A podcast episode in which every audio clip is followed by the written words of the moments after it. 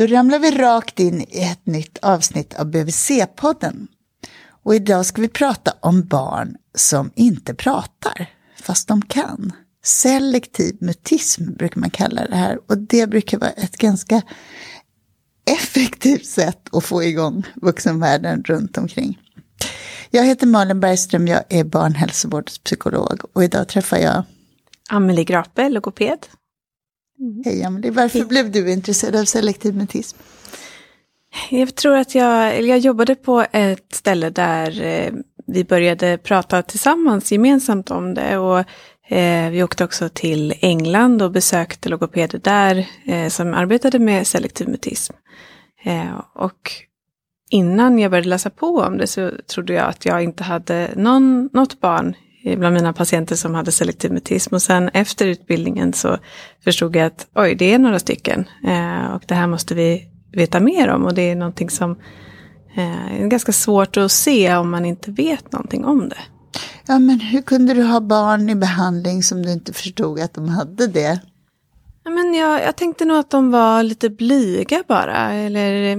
Mm jag, jag, tror också att jag föll in i det här med att, någon, att jag tänkte att något barn kanske var lite trotsigt eller inte ville eller så. Och sen efter ett tag så, så brukade de börja prata med mig. Eh, så det lossnade ju ofta hos mig, men då förstod jag inte att eh, det inte lossnade på till exempel förskolan eller så. Mm. Mm. Det är inte så att man, vi har ganska lätt att tänka att barn är blyga ja. eller trotsiga ja. när barn egentligen kan ha stora svårigheter. Verkligen, och så, precis. Och så egentligen så, så beror det på att de är oroliga och kanske har ganska mycket ångest över att prata. Mm. Mm. Du, vad är selektiv mutism? Eh, selektiv mutism, det är en eh, oförmåga att prata i vissa situationer, eh, trots att man egentligen kan prata och eh, vill prata. Eh, och det, det, grunden är eh, att barnet har ångest helt enkelt. Och, eh, lite liknande som social fobi också. Eh, och ganska vanligt att de här barnen kan prata helt obehindrat hemma, men sen så, så fort de kommer utanför dörren så kan de tystna helt. Mm. Mm. Du, det här att det är en form av social fobi, eh, jag tänker, för det är ganska vanligt att vi barnpsykologer pratar med varandra om det här. Är det mm. så att de här patienterna jag visste faktiskt inte att de hamnade hos logopeder. Jag trodde att de hamnade hos oss. Men de kanske hamnar hos mm. barnläkarna också. Jag tror att de kan hamna både hos psykologer och hos eh, barnläkare säkert också. Men eh, en riskfaktor för att få selektiv mutism är språkstörning. Det finns en ökad risk där. Så att jag tror det är därför som logopeder har börjat ta det mer och mer. För att man inser att det är, det är några barn hos varje logoped som nog har selektiv mutism. Och vad är språkstörning? En språkstörning är um, precis som det är, en störning i språkutvecklingen. Att man inte eh, att språket inte utvecklas som det ska. Och det kan vara på flera olika nivåer. Det kan vara allt från att eh, barnet har uttalssvårigheter till att eh, barnet har svårt att förstå språk eller uttrycka sig med rätt eh, grammatik eller rätt eh, ordföljd i meningarna. Eh, litet ordförråd kan de ha. Mm. Och, för, alltså, hur, finns det någon koppling specifikt mellan selektiv mutism och någon av de här typerna av språkstörning? Det var en bra fråga, jag, jag, det vet jag faktiskt inte. Men, eh, men eh, det jag kan tänka mig, det, det som är med de här barnen, det är att de är väldigt medvetna om sin eh, omvärld. Så att eh, om de märker att någon reagerar på hur de pratar så, så kan det bli, så tar de det ganska hårt.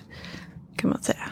Mm. Så en social ängslighet mm. parad med någon typ av språkstörning, det skulle kunna vara ett scenario, ja. en riskfaktor då för att ja. man skulle kunna utveckla det här. Absolut. Det, finns det några könsskillnader? Eh, ja, jag kommer, om jag kommer ihåg rätt så är det fler flickor än pojkar som får det. Eh, och det är också vanligare hos eh, flerspråkiga barn. Mm -hmm. Hur förstår man det? Ja, det finns ingen riktigt bra förklaring på det, men, men min egen tanke är väl att um, just det här medvetna om, om sitt eget språk och att um, att någon kanske någon gång har eh, uppmärksammat, jaha, du pratar något annat också, eller, eller så, att det kan skapa någon, eller inte skapa, men snarare trigga igång någon slags eh, oro hos barnet. Vad, vilken, vilken ålder drabbas man? Ja, ungefär, som tidigast ungefär vid tre års ålder, men det finns tidigare också beroende på eh, ja, men lite hur utvecklat barnet är. Vissa barn mognar ju tidigare än andra och då kan man ju få det tidigare, men ungefär runt tre års ålder eh, brukar man kunna utveckla det. Så man debuterar ganska tidigt, eller kan man debutera mm. på mellanstadiet? Eh, ja, men det kan man också. Vanligast tror jag är mellan tre och åtta år att okay. debuterar. Så det är ändå väldigt små barn. Mm, mm. Du på BVC, för jag tänker att om du som, som logoped kunde komma på när du lärde dig mer om selektivitet, då, då kom du på så här, ja men oj, nu har, mm. det jag har några patienter. Då borde det betyda att man som sköterska eller läkare också har barn med de här svårigheterna. Absolut, eh, det är precis det som är eh, problemet tänker jag. Och ehm, just att man lätt tolkar det som blyghet eller, eller trots att barnet inte pratar. Så där tänker jag att eh, om man som BVC-sköterska möter ett barn som är väldigt tystlåtet eller så och inte vill prata, ehm, att man kanske frågar föräldern lite mer om det. Frågar om, om det tystnar i andra situationer också. Eller om hur det är på förskolan, är barnet tyst där eller så. Så att man får lite bakgrund. För det kan ju också vara bara ett blygt barn som kommer in till BVC-sköterskan och tycker att det är jättejobbigt såklart. Mm. Eh. Men du menar det man ska fånga upp då som sjuksköterska, det är dels eh, förskolan och dels mm. om det generellt finns andra situationer när barnen tystnar. Ja, precis. Och kan det vara så att jag pratar genom min förälder, att jag viskar i förälderns mm. öra och ber mm. Är det att...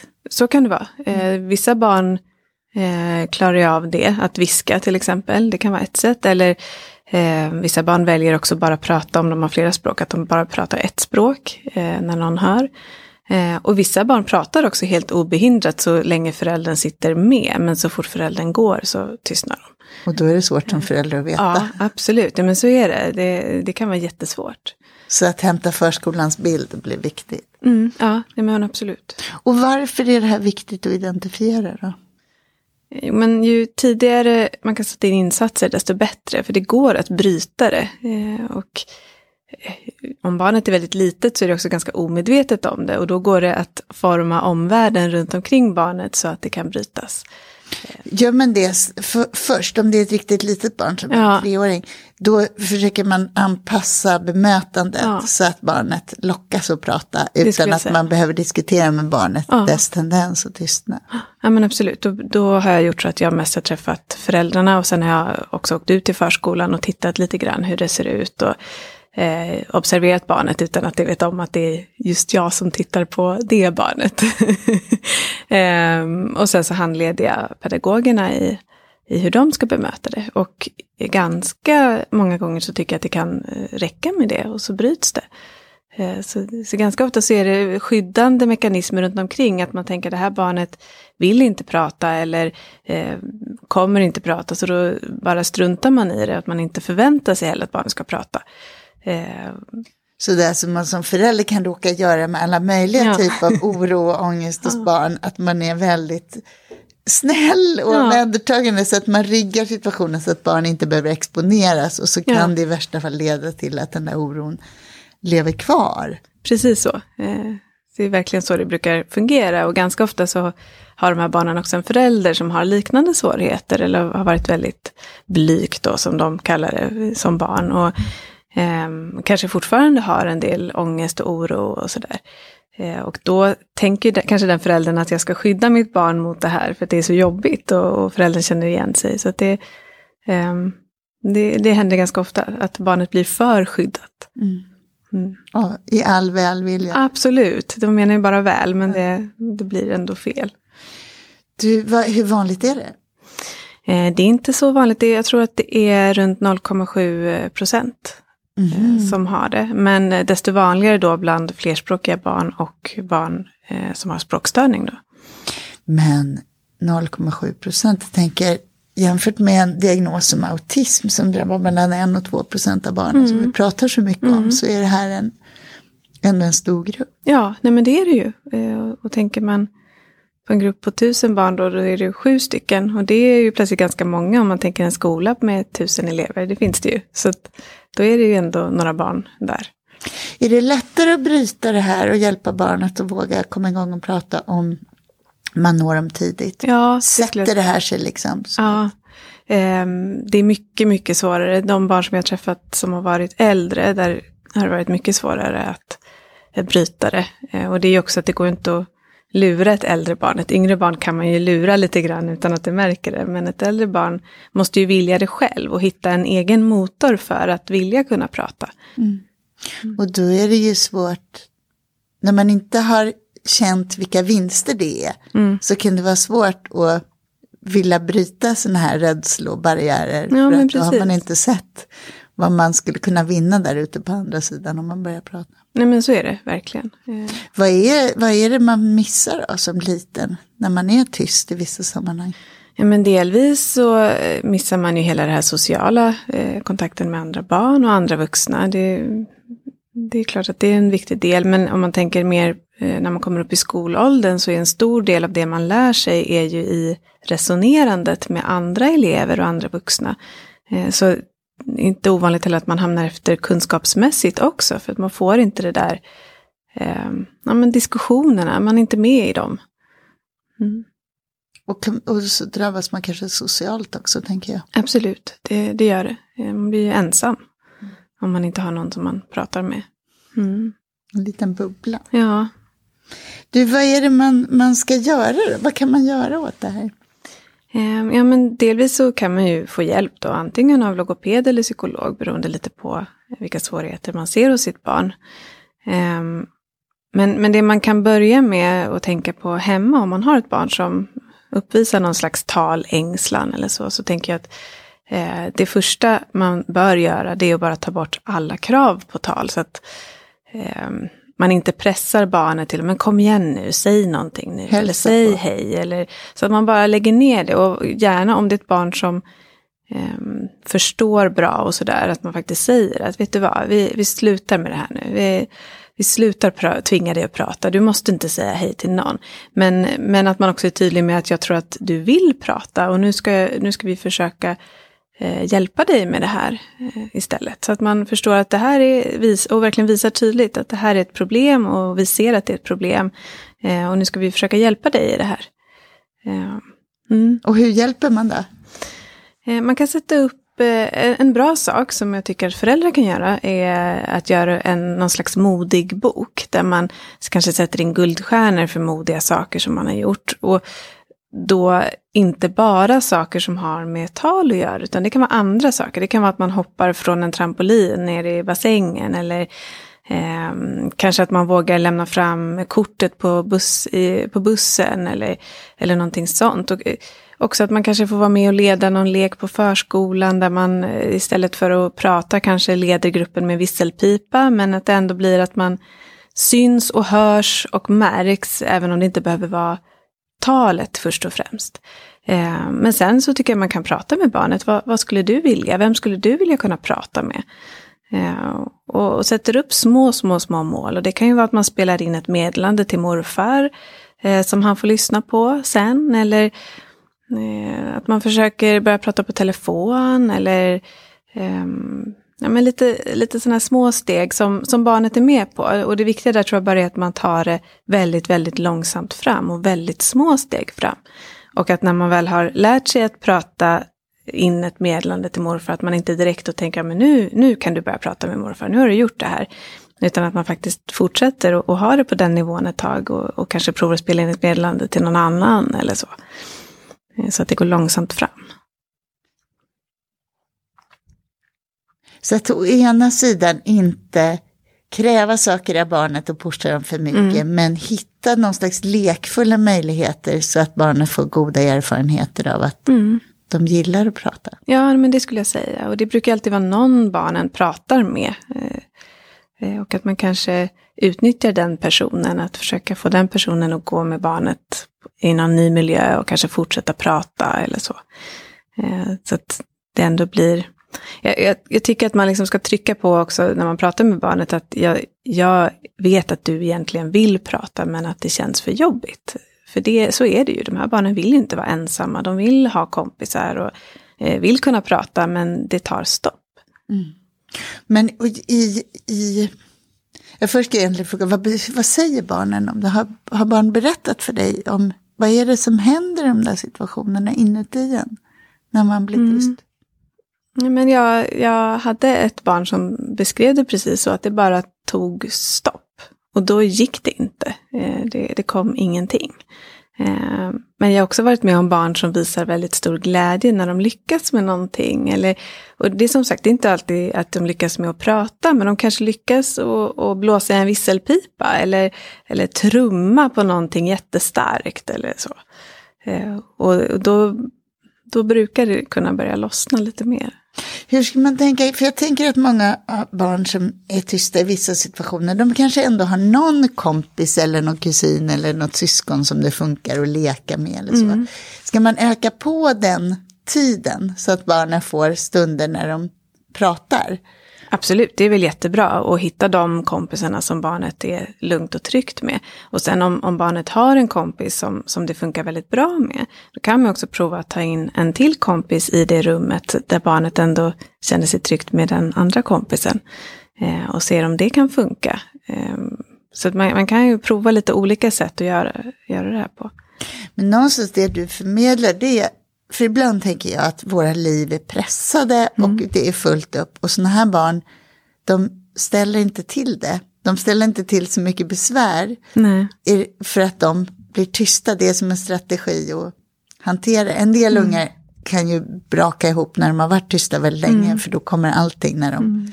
de har gått och hållit ihop. Liksom. Så då får man ju någon slags jobbig konsekvens.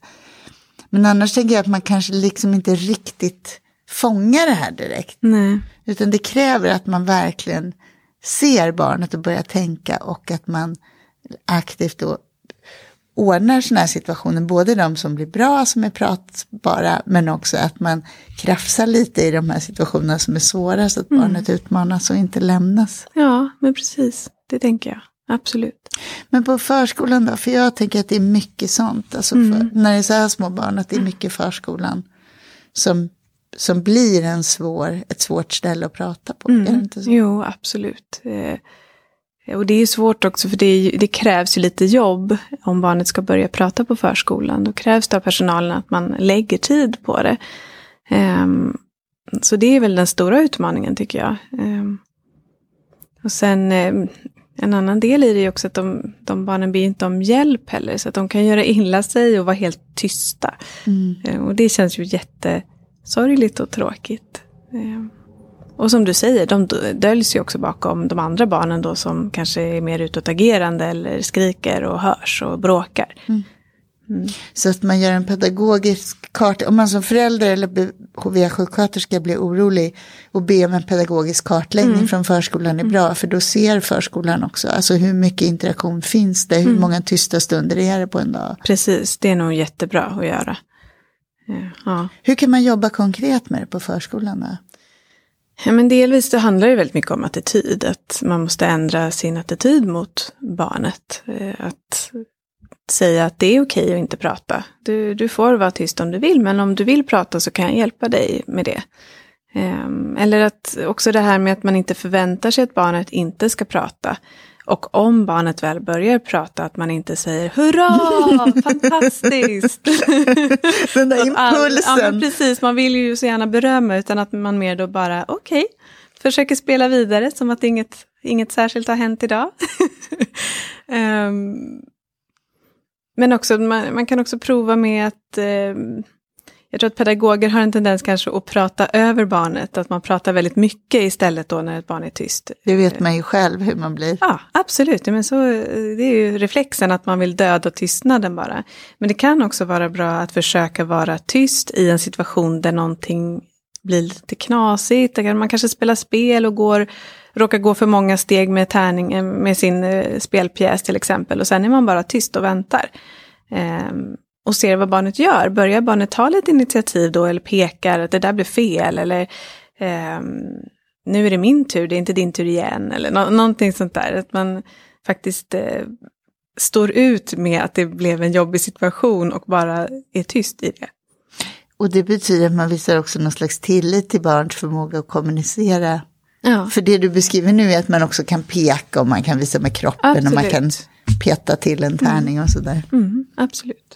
En annan grej som jag har hört och jobbat med det är också sådär att man låter barnet vara i ett litet sammanhang som vi sa hemma. Att man ja, i, i dockvrån eller målarrummet eller sådär med någon kompis. Så att man får komma igång och prata och kanske kan komma igång och prata med någon personal och så. Är det Ja. också en modell eller? Absolut. Eh, ofta så, som sagt, så pratar ju barnet med någon på förskolan. Och då kan man ju försöka få ihop, om det är en vuxen eller ett barn, att de två får vara själva lite grann. Eh, och gärna då att man som vuxen kanske till en början har dörren lite stängd, men att man börjar öppna den och visa att här går jag utanför och jag finns här, kanske gör lite ljud utanför så att barnet förstår att det är någon där. Eh, så att man smyger sig på lite grann och tar små steg eh, för att närma sig det barnet. Mm. För är det det som är jobbigast för barn, är det att prata i samlingen? Inför andra? Eller är det, Det olika? kan variera, det är väldigt olika. Det kan vara jobbigt, vissa, men jag vet också barn som tycker att det kan vara okej att prata i samlingen om de får förbereda sig innan och känna att det här ska jag säga idag. Eh, och då kan det kännas helt okej, för då är, kommer inga konstiga frågor eller så.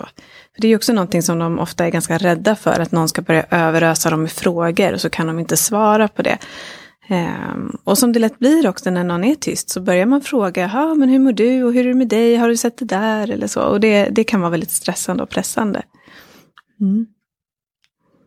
Kan man träna konkret med dem vad de kan svara?